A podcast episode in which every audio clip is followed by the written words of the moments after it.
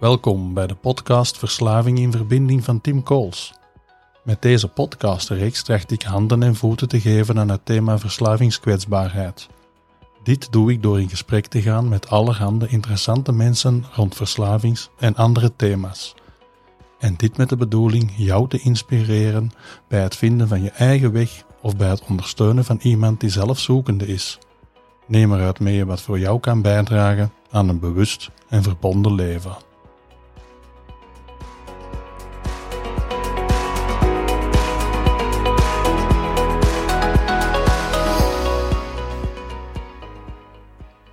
Dag Liesbeth. Dag Tim. Een hele goede middag.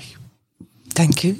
En dank u om mij uit te nodigen. Ja, het is fijn dat we hier samen mogen zitten om over verslavingskwetsbaarheid en psychische kwetsbaarheid te mogen spreken. Want dat is de insteek waar we het vandaag gaan over hebben. Hè. Mhm.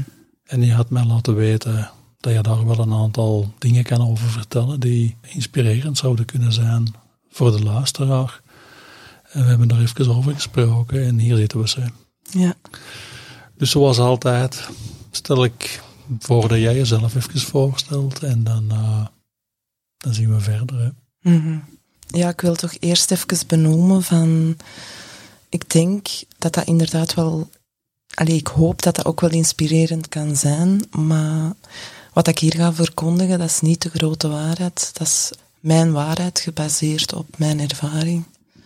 Um, ik ben Liesbeth, ik ben 47 jaar. Ik woon in Herentals. En ik vind in het algemeen uh, goesting en zin in het leven uh, uit oprechte contacten en uh, filosoferen over het proces van het leven, maar ook over het leven zelf. Verbinding en echte contacten. Klinkt als dat je een heel nadenkende, bewuste vrouw bent. Uh, ja, dat ben ik ook wel, maar langs de andere kant misschien iets te veel. Hè? En te, ja. Dat is al meteen zo'n thema, hè? Ja. Te, ja. ja. Dus, dat gaat uh, straks wel terugkomen dan. Daar heb ik inderdaad wel uh, manieren voor moeten vinden voor daarmee om te gaan. Ja. Wat wil je nog over jezelf vertellen? Ik heb een rugzak. Ik heb al best wel wat meegemaakt. Uh, mijn zus is onder andere al een hele tijd geleden gestorven. Ik heb zelf een opname gehad in de psychiatrie, 15 jaar geleden wel. Moeilijkheden in familiale context gehad.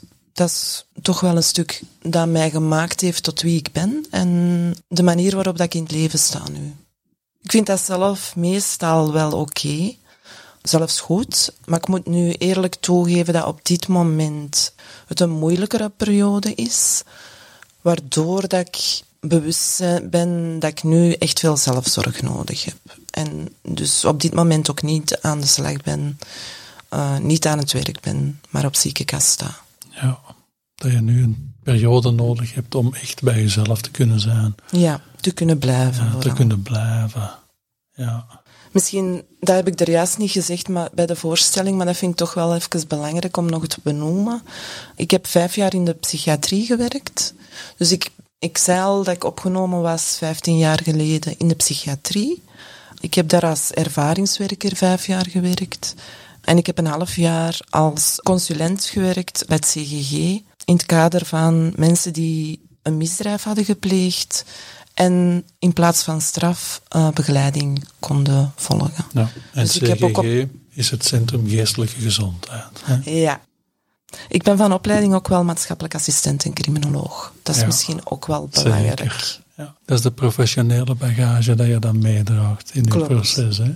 Het is heel grappig. Ik denk er nu aan, en misschien moet ik dat dan ook wel benoemen. In mijn thesis van maatschappelijk assistenten heb, had ik als titel ik volg jouw weg, ook al lijkt jouw weg voor mij een omweg.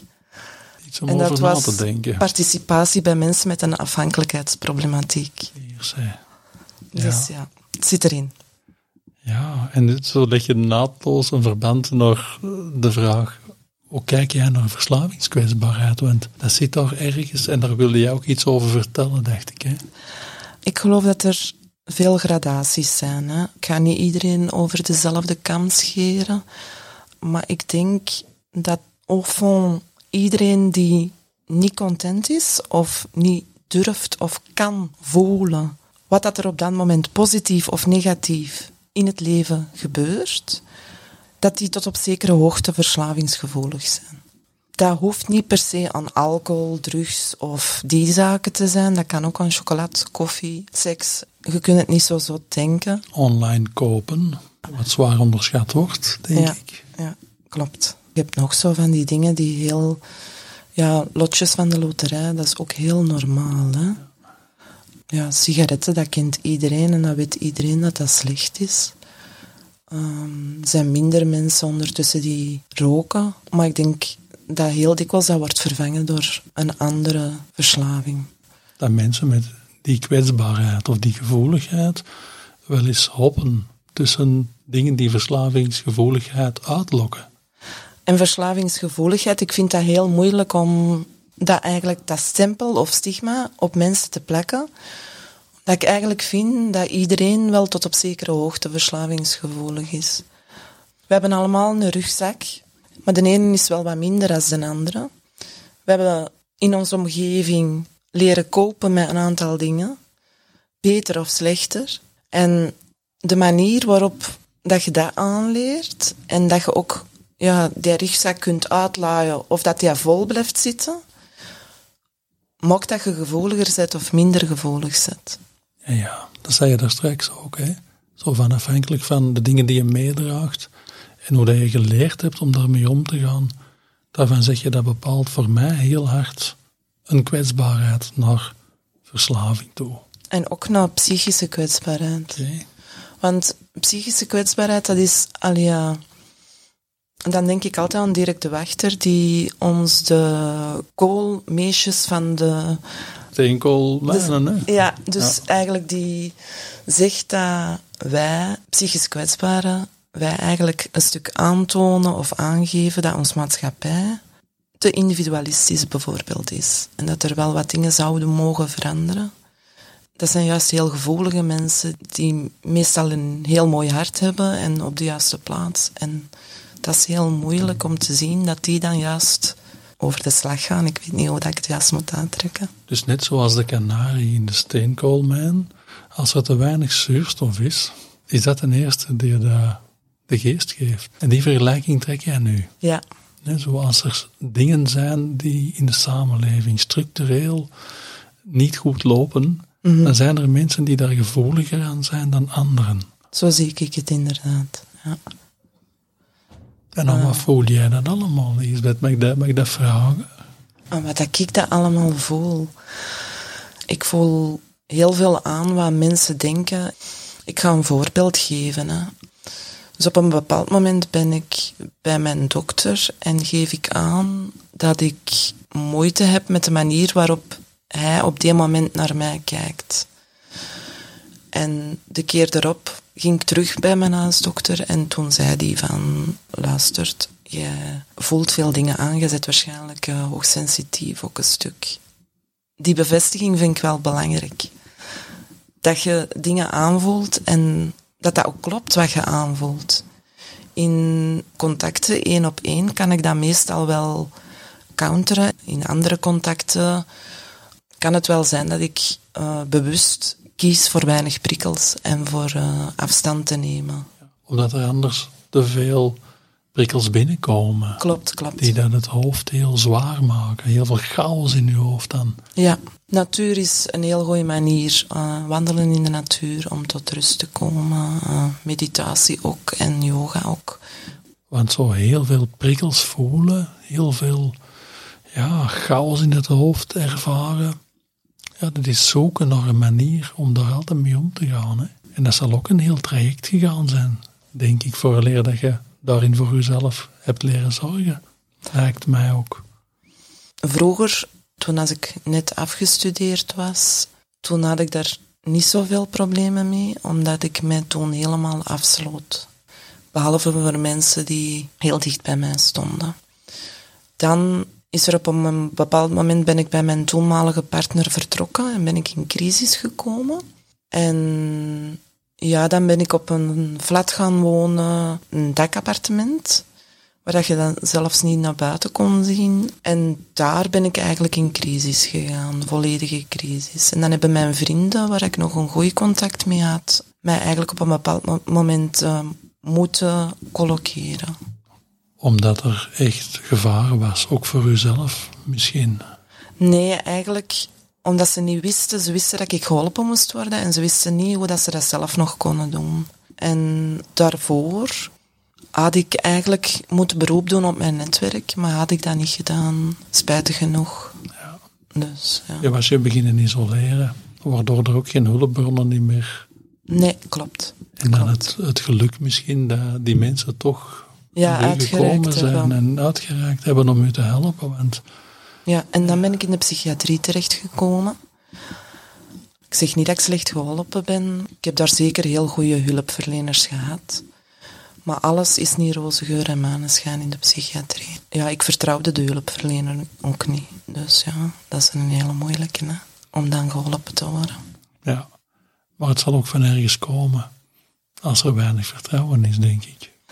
Dat heeft met mijn familiale situatie te maken, maar daar ga ik niet over uit. En zo vertrouwen opbouwen, dat is iets dat ja, in een ontwikkeling gebeurt. Je kunt niet een zak vertrouwen aan iemand geven. Hè. Dat, dat komt van ergens en dat kunnen zien is ook belangrijk. En dat er ook geen schuld moet op zitten. Dat we dat ook niet kunnen forceren, maar dat we ons er wel bewust kunnen van zijn dat dat zo is. En dat het dus soms ook moeilijk is om ja, vanuit een moeilijke vertrouwensrelatie met een hulpverlener ook hulp te kunnen ontvangen. Waardoor mensen dan ook niet uit een patroon kunnen geraken soms. Hè. Ja. Ik heb heel veel aan een tweetal mensen gehad waar ik mee opgenomen was, die nu nog altijd bevriend zijn met mij. Dus uh, vijftien jaar later zijn wij nog vrienden. En die hebben mij eigenlijk het vertrouwen gegeven om vertrouwen te hebben in de hulpverlening, om zo te zeggen. Dat is mooi gezegd. En dan heb ik moeten zoeken naar de juiste hulpverlening voor mij. Dat, dat is een blijvende zoektocht. Hè. Hier zijn dus door in een andere relatie vertrouwen te kunnen voelen, ontstaat er een mogelijkheid om in dan weer andere relaties, bijvoorbeeld hulpverleningsrelaties, ook vertrouwen te kunnen hebben. Ja, ja dat is heel schoon. Mag ik nog eens teruggaan naar die rugzak? Ja. Want ik zie hem toevallig achter u staan, maar dat is een andere. Dat is niet van mij. ik heb dat van mij afgezet. ja, wel. Je zegt van, eigenlijk gaat kwetsbaarheid, zowel verslavingskwetsbaarheid als psychische kwetsbaarheid, over een rugzak. En hoe gaan we daarmee om? Coping heb je het genoemd. Dus hoe gaan we daarmee om? Ja. Hoe voel jij dan verslavingskwetsbaarheid aan u trekken? Mm. Zolang als ik niet in staat was om mijn eigen keuzes te maken, maar dat ik invloed voelde van de omgeving op wat ik moest doen, voelde ik dat serieus aan mij trekken. En nu maak ik eigen keuzes en beslis ik van rook het ook. Dus het bewust voelen van meer regie over jezelf. Ja. Zelfregie, mm wat zo'n heel belangrijk ingrediënt is, denk ik ook, om in herstel te gaan. Heel bewust vanuit een eigen motivatie keuzes kunnen maken. En dat benoem jij nu ook zo. Ja. Dus dat is minder beginnen trekken dan nu vanaf dat je meer op je eigen grond, denk ik, zeg gaan staan. Wanneer dat je je eigen ook graag ziet, hè? en alles wat van je eigen is, graag ziet, en dat je er mocht zijn, en dat je op die manier ook tot op zekere hoogte geen rekening met anderen moet houden. Tot op zekere hoogte, want dat is niet mijn aard. Maar dat je in een balans tussen wat belangrijk is voor jezelf, als wat belangrijk is voor de andere, dat dat ja, wat meer in evenwicht is. En dat je ook echt jezelf graag mocht zien. Mhm. En dat je dat ook mocht afbakenen. Ja, grenzen. Grenzen, is ook een heel belangrijke.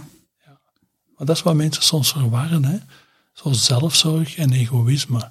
Terwijl egoïsme is totaal geen rekening houden met een andere. En zelfzorg is zoeken naar een passende balans in wat van u is en wat voor u belangrijk is en dat ook kunnen beschermen. Maar ook daarin kunnen rekening houden met wat voor de andere belangrijk is. En daar zelfs over in dialoog kunnen gaan met een andere. Ja, dat evenwicht. Hè. Evenwicht is ook heel belangrijk. Constant bij je eigen komen om, dat, Om te weten wat je echt wilt. Zonder beïnvloed te zijn van een andere. En naar dat evenwicht te kunnen gaan zoeken samen met een andere. En je zit ondertussen naar je buik te wijzen. Constant naar jezelf gaan. Ja. Maar dat is heel abstract. Hè? Hoe, hoe, hoe doe je dat? Een sigaret gaan roken. Ja, dat is, dat is niet wijzen naar je buik. nee, maar dat is wel een realiteit. Nee, um, yoga en meditatie doe ik echt wel. Maar dan zit ondertussen niet aan het roken. Nee, dan ben ik niet aan het roken. Um, wandelen in de natuur, echt ook wel nodig. Omdat je dan ook in verbinding met de natuur komt. En die prikkels zijn oké. Niet te veel social media, niet te veel van die dingen. Maar dat is niet altijd makkelijk hè, om dat zo uit te voeren. Nee, ja, want, Zeker in ons maatschappij. Want zo de, snelle prikkels, zoals social media, snelle sigaret opsteken, uh, dat zijn allemaal dingen die heel snel korte termijn resultaat geven waar dat onze hersenen zich goed bij voelen. Ja, dat geeft een adrenaline kick. Ah, ja, en dopamine. En dus, dus dat is heel logisch dat, dat we daar gevoelig aan zijn. De stap zetten naar loopschoenen aandoen en bijvoorbeeld gaan lopen of gaan wandelen of de natuur in, ja, dat is een andere drempel. Klopt. Daar moet een moeite voor doen om er dan op langere termijn tragere, maar stevigere vruchten van te kunnen plukken. En je ziet dan niet altijd dat er vruchten van te plukken zijn. En dat maakt het moeilijk, want het is soms zo dat je die stap wel zet, maar dat je de vruchten nog niet direct hebt. En dat maakt niet dat die stap minder belangrijk was om te zetten en dat het slechter was om die te zetten. Maar gewoon dat dat wat tijd nodig heeft en dat je vertrouwen moet hebben. En dat is ook iets dat heel moeilijk is om te hebben in deze samenleving, denk ik. Nog eens terug naar verbinden met een binnenkant. Ja, want je gaat aan yoga mindfulness, uh, wandeling in de natuur, meditatie, Sociale contacten ook bij mij. Verbinding, sociale contacten. Maar hoe leg je dan de link naar dan naar binnen gaan? In het hier en nu blijven. Niet in de toekomst gaan zien, niet in het verleden gaan zien, niet daarmee bezig zijn, maar proberen van als je eet, eten en proeven wat je eet en daar heel bewust die sensaties van te voelen. En dus op die manier verbinden met wat er binnenin gebeurt. Ja. En daar wilde ik wel naartoe gaan zo. Ja. Dat je door wat je doen bent, een soort bewustzijn hebt in het hier en nu. Ja. En voelt wat je voelt. Denkt wat je denkt. En daar bewust van zijn. Ja. En dat helpt u, zeg je Om content en gelukkig te zijn, uh, helpt dat in mijn gevoel om uh, in het hier en nu te staan en bewust oprecht te leven. Dat is niet de weg die iedereen bewandelt, maar ik denk dat dat wel iets is waar we, waar we allemaal willen landen. Lisbeth, mag ik gaan naar de vraag: welke link is er voor u tussen uh, verslavingskwetsbaarheid en psychische kwetsbaarheid? Ja, ik denk dat mensen die psychisch kwetsbaar zijn, overgevoelig zijn geworden uh, door wat ze hebben meegemaakt en daardoor ook vatbaarder zijn voor verslavingen. Ongezonde verslavingen dan. Hè. Niet sporten of zo, maar drinken en drugs en andere. Vanuit de bedoeling om daar op een manier mee te leren omgaan. Met dat onevenwicht. Ja. Met je chaos, met je pijn. Ja, en ik geloof ook dat als je er je rugzak niet uitlaait, dan wordt hij zwaarder en zwaarder en zwaarder. Dus dan valt het gemakkelijker. Dat is ook logisch. Dan betekent dat ook dat je vlugger in die verslaving terug hervalt of je moet die rugzak ook uitlaaien op een bepaald moment. Dat is een hele belangrijke. En dat kun je doen, dat is voor iedereen verschillend. Hè? Maar door meditatie of door in de natuur te gaan wandelen en daar heel bewust mee bezig te zijn. Maar bewust bezig zijn is ook zo ja. niet voor iedereen gegeven. Hè? Ja. Want dan moeten we eerst al beseffen dat er een probleem is. Hè? Ja, vanaf het moment dat we dat gaan beseffen, komen we ook dikwijls in een heel zware pijn. Ja. Want mensen die ondraaglijkheid dragen, om het zo te zeggen, die hebben ook systemen dikwijls ontwikkeld om dat niet te voelen of om dat weg te duwen. En daar zitten ook verdovingsdingen, nee, systemen dan ook in. En oké, dat is ook overleven, dus, dus daar moeten we ook mee waarde naar kijken. Maar we zien ook wel de schade op termijn, ook voor de mensen zelf, ook voor de omgeving. En dan terug moeten gaan voelen Ja, wat die- die- ooit er precies niet was, zolang dat we het gebruiken zijn, of in dat verdovingsgedrag zitten. En dan de zware taak om die zelfmedicatie bijna te, te moeten gaan laten. En die rugzak terug te voelen. Wat mij daarbij heeft geholpen, is dat pijn mag er zijn. Hè? Die theorie is heel gemakkelijk, hè? maar om dat te voelen is moeilijker. Om dat te durven voelen, en ik- ik zeg niet dat ik... 9 van de 10 kan ik dat wel, maar die tiende keer vind ik dat ook moeilijk om dat te voelen. Mij heeft geholpen dat Nina Mouton op een bepaald moment heeft... eh, heb ik een podcast gehoord en daar zei zij in van dat kan maximum, en nu moet ik gaan kijken, 20 minuten duren, een haalbaar, een intense haalbaar. En dan denk ik altijd van 20 minuten, dat is te overbruggen. Dat is niet onmenselijk. En dan is het nog niet altijd makkelijk om daarin te gaan zitten, maar dat is wel te overbruggen. En eenmaal als je dat ene keer gedaan hebt, gaat dat vlotter de volgende keer. Ja. En het is eigenlijk, ja, die een drempel die je over moet inderdaad, om dat toe te durven laten, die emoties. Hè. Zo echt, en je hebt het net gezegd, hè, zo erin te gaan staan. Gaan voelen waar de pijn zit. Die drempel overschrijden en dat doen. En bewust gaan verbinden met wat er van binnen is. Want zolang dat we dat niet doen, gaat dat ergens blijven hangen, mee bepalen van ons gedrag. Ja, dan heb je die rugzak Ja. nog aan. Hè. Ah wel, en dat gaat de zwaarte blijven geven. Of zwaarder worden. Ja, je, je legt er maar bovenop en meer en die dingen steken in je rug. Dus daar eens gewoon nog kijken. Die rugzak is open doen. Heel Ja. traag, heel voorzichtig. En wat zit daarin? Maar als ik die open doe, dat stinkt. Dat is niet plezant. Dat doet zeer. En waar kunnen we dan hulpbronnen vinden om En zo heb ik dat allemaal nog wel nodig, wat in die rugzak Ja. zit? Of kan ik daar dingen uit doen? Heb jij er al veel uit gedaan, Lisbeth? Ja, maar er zijn bepaalde dingen die dat je er bewust inlaat, waar dat je gewoon een andere manier vindt van ermee om te gaan. Die dat je anders legt Ja. in de rugzak, waardoor dat ze niet meer in je rug steken. Waar dat je eigenlijk een stukje karton ertussen steekt, zodanig dat dat u niet zo meer beïnvloedt. Dat het er nog wel is. Maar het mag er wel zijn. Dat mag er zijn, want ervaringen krijgen we ook niet weg. Want als we dat willen, dan doen we hetzelfde als wat dat we soms in verslavingsgedrag doen, het wegduwen. Ja. En dat is toch zo'n paradox, hè? Dat verwerken lijkt alsof dat we het moeten wegduwen of wegkrijgen. Maar zo werkt dat niet. Dat is een traag proces van aanvaarding klinkt nu zwaar, vind ik, maar toch te gaan zien van, ja, wat, wat zit er bij mij? En hoe kan ik dat zo gaan integreren in mijn leven? Ja, dat ik dat draaglijk maak. Misschien en dat ik daar toch nog een oké leven mee kan leiden. Wat ik ook heel belangrijk vind, en dat wordt ook heel dikwijls door therapeuten en zo aangeraden, is op het moment dat je het niet meer kunt dragen, schrijven. Schrijven, afschrijven. Dat werkt ook voor heel veel mensen. Schrijf het gewoon af en daarna voel je verlicht. Ik ben met afschrijven al wel eens een paar keer tegen de lamp gelopen, zo, Lisbeth. Maar jij bedoelt afschrijven als wat binnenin gebeurt, als je geen andere manieren vindt om ermee te verbinden en je krijgt het niet naar buiten. Want Ja. daar gaat het over.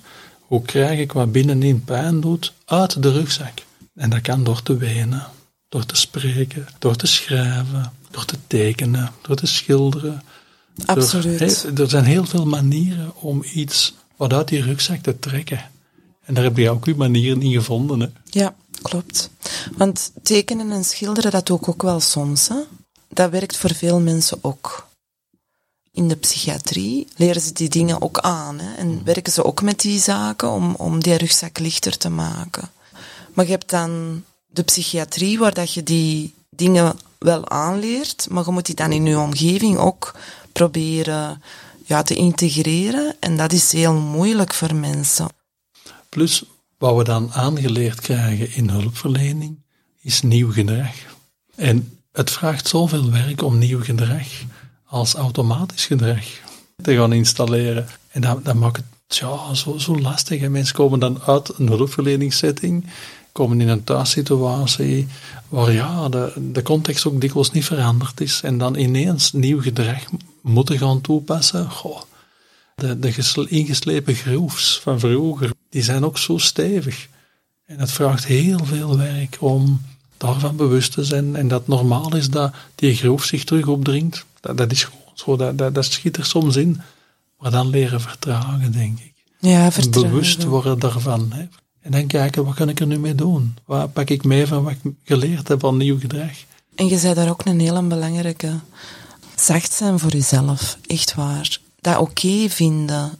Dat dat niet allemaal zo vanzelf gaat. En mild zijn voor jezelf. En op die moment dat even niet gaat om mild te zijn, of even niet gaat om te herpakken, ook mild zijn, dan is dat zo. En dat is niet abnormaal. Nee, je zet juist normaal. Het is niet zo vreemd om terug in een gekende groof te schieten. Zo, nee. Iets aan het lichaam, iets uit de hersenen kent. En waar dat we van weten dat het, dat het niet helpend kan zijn op lange termijn, maar dat het soms zich opdringt. Op korte termijn helpt dat wel, hè.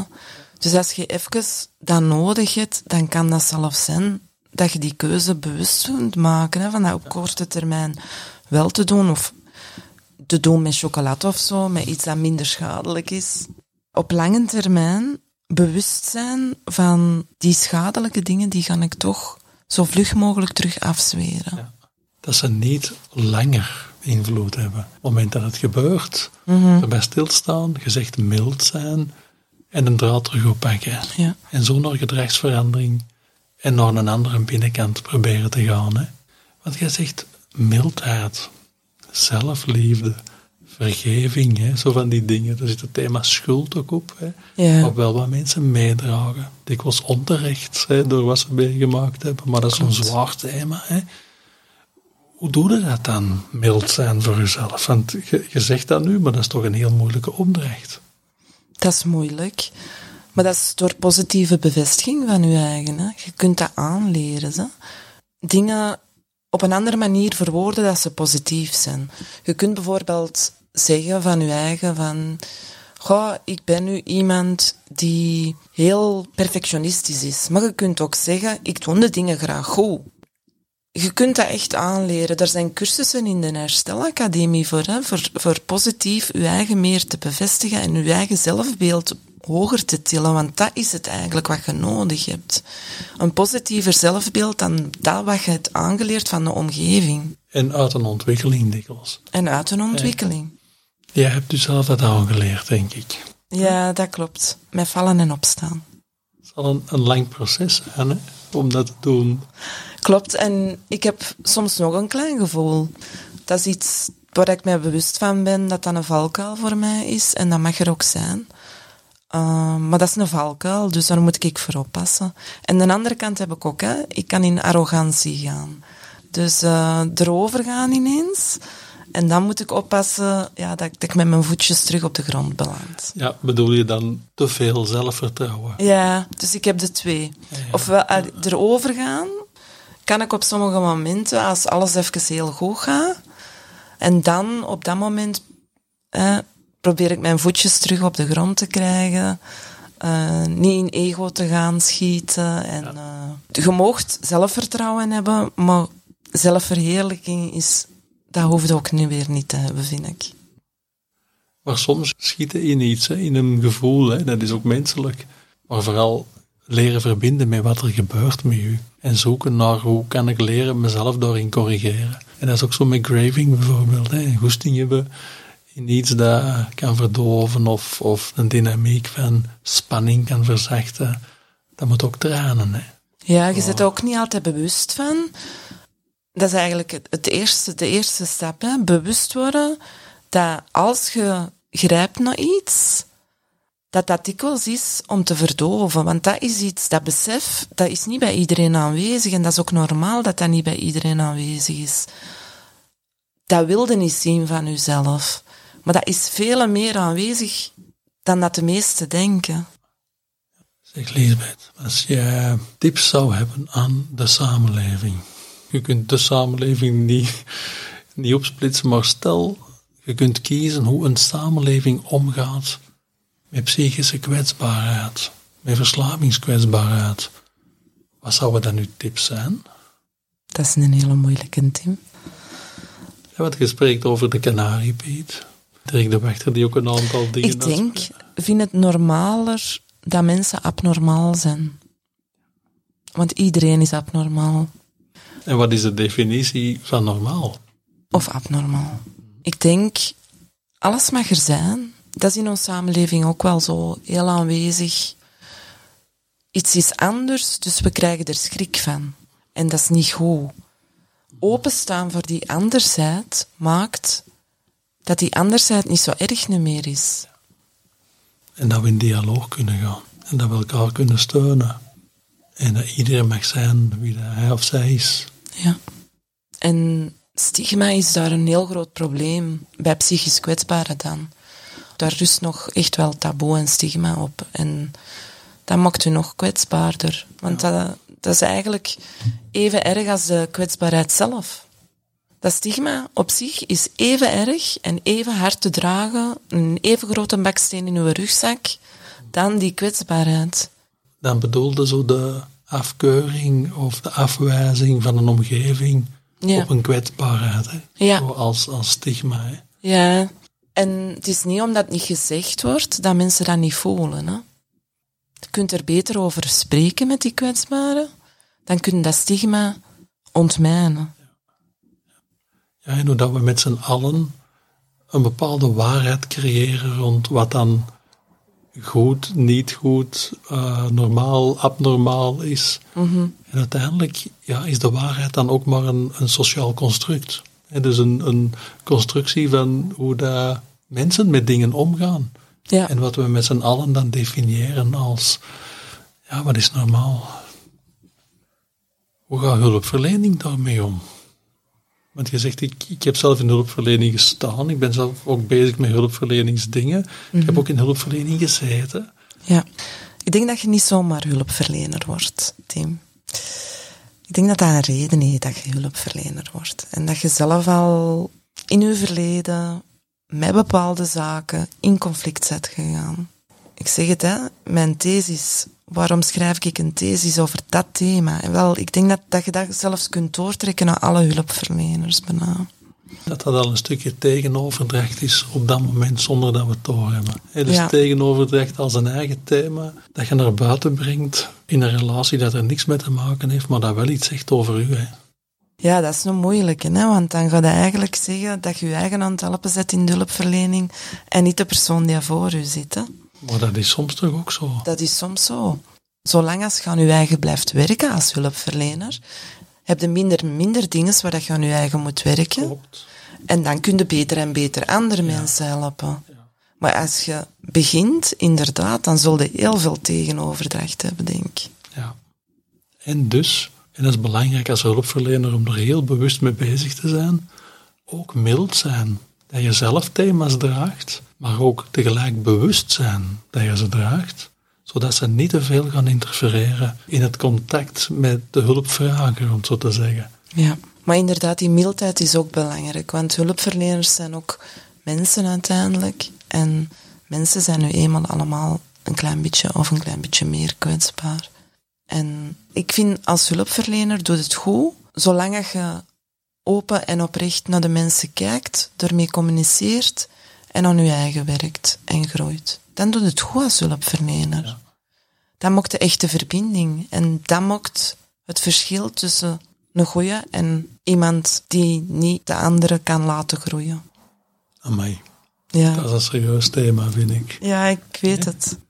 Maar dat is goed het. het er even tussen te trekken. Hè. Je, je hebt ervaring met hulpverlening en je zit er zelf dan ook in, in, in wat je voor mensen doet. Dus dat is fijn dat dat ook eens kan benoemd worden. Zo. Dat wij inderdaad allemaal dingen dragen en dat dat menselijk is. Maar doet er iets mee. Ja, doet er iets mee, inderdaad. Dat was een belangrijke tip voor hulpverlening. Zo. Maar dan zat ik ook nog te denken aan herstel. Je hebt al wel wat dingen verteld. Hè, zo. Je hebt dan al een aantal ingrediënten uitgelegd wat, wat u echt geholpen heeft, Elisabeth. Ik denk dat het heel belangrijk is, maar dat hebben we al gezegd. Hè. Die zelfreflectie moet er toe in staat zijn. Je moet daar klaar voor zijn voor die zelfreflectie te kunnen doen. Toelaten aan je eigen dat je dat doet. Tijd voor maken ook. En je moet dat niet alleen doen. Je hebt daar een netwerk voor nodig. En dat zijn denk ik nu eenmaal basisingrediënten voor te kunnen groeien en voor te kunnen herstellen. En ja, dat heb ik dus straks ook wel even benoemd. Maar dat wil ik ook nog even zeggen van... Gunt anderen ook geluk. Er zijn zo'n spreuken van, van boeddhisme en, en daar vind ik ook dikwijls wel inspiratie in. Het is niet omdat een andere het goed doet, dat jij het slecht doet. Je mocht ook gewoon je eigen zijn en het ook goed doen. Maar gunt die een andere dat. Probeert in elk geval niet die naar beneden te halen. Want sommige mensen doen dat wel. En dat is, vind ik, heel moeilijk. Ja, ja of, of precies dat u goed kunnen voelen altijd in een vergelijking met een andere moet zitten. Ja. Lisbeth, wat ben jij momenteel van plan zo, beroepshalve? Daar wou we het ook wel over hebben, denk ik. Hè? Ja, daar wou ik het ook wel over hebben. Ik had al aangehaald dat het belangrijk is om content in het leven te staan. Ja, ik heb een zaak. Ik ga die in elk geval, als mijn periode van zelfzorg gedaan is, terug opstarten. Dat is content. De naam zegt al heel veel. Maar een vriendin van mij zegt wel content. Dat vind ik ook heel schoon gezegd, maar de naam is content. Tevreden, hè? Je kunt dat in twee woorden zeggen. En eigenlijk zegt dat alles. Dat is oprecht bewust in het leven staan en de keuzes maken, bewust. Met uw hart, met uw gevoel en uw verstand. Om op die manier te kunnen in onze samenleving leven, en ah, wel daar wil ik mensen mee helpen. Dat wou ik vragen. Wat is het aanbod dan juist dat je, dat je daar gaat in geven? Dat is heel verschillend van persoon tot persoon. Bij de ene persoon zal dat gesprekken tijdens wandelingen zijn. Bij de andere persoon kan dat aan een bureau een gesprek zijn. Kunnen we samen een stappenplan opmaken? Kunnen we samen naar een kledingwinkel gaan om bijvoorbeeld kleding te kiezen? Dat kan ook tweedehands zijn, hè? waar dat die persoon zich beter in voelt. Bij nog een andere persoon gaan we zoeken naar een creatieve manier om zich te uiten. Dat kan bijvoorbeeld liedjes zijn maken ja, allee, er is zo'n uitgebreid aanbod, dat is zo individueel verschillend. Maar de belangrijkste beginfactor is dat er het besef is van ik wil eigenlijk iets doen, want ik sta op dit moment niet content in mijn leven. En een tweede belangrijkste factor is, er moet een klik zijn en langs twee kanten een motivatie. Zowel van de persoon die voor mij zit, als van mijzelf, moeten wij alle twee het gevoel hebben van, ja, hier kan ik iets mee. En dan gaan we samen op pad. En dat kan een lang of een kort proces zijn. Ja. Maar dat ben je nu niet aan het doen. Nee, dat ben ik nu niet aan het doen. En heb je gezegd wanneer dat, dat, dat is een moeilijke vraag. Hè? Maar als mensen er naar luisteren en interesse hebben, dan kan ik me voorstellen dat ze zich misschien afvragen vanaf wanneer zou dat er dan misschien zijn. Ik hoop november, december, uh, ten laatste januari hoop ik. Ik heb uh, een telefoonnummer en een e-mailadres dat kan geven waar dat ze naartoe kunnen bellen. Ten vroegste november gaat het zijn. En is het al wenselijk dat mailadres en die telefoonnummer nu al laten spreken? Dat kan. Dan mag jij kiezen. Maar dan moet ik even mijn gsm erbij pakken. Want ik ken het telefoonnummer niet van buiten. Het mailadres wel. Uh, dat is contentleven.gmail.com dus dat is eigenlijk heel simpel. Hè? En dan ga ik nu naar de telefoon zoeken. 0471 418806. Okay. Ik herhaal 0471 41 88 06. En bij deze ken je hem nu misschien zelf ook van buiten. Nee, ik slag alleen maar dingen op als ik dat wil. Als ik dat belangrijk genoeg vind. Ja, ja. oké. Okay. Lisbeth, jij hebt best waardevolle dingen verteld, denk ik. Zijn er dingen waar je van zegt, die wil ik nog toevoegen? Of is het een moment om misschien te eindigen met een quote? Ik denk dat het de moment is om te eindigen met een quote. Er is maar één te die goed is, en dat is tevreden of content. Dat is een mooie. Hierbij gaan we afsluiten en ga ik u heel hard bedanken. Ik ga u ook heel hard bedanken, Tim. Merci.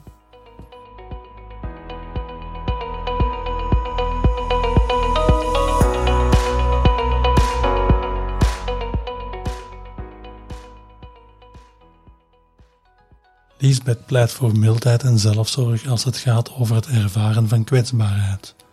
Zij heeft zelf een traject gegaan en geeft ons mee hoe zij hierin een weg gevonden heeft. Proberen bewust in het leven te staan, mogen voelen wat er binnenin gebeurt, daar met liefde naar kijken en met kleine stappen van jezelf gaan houden.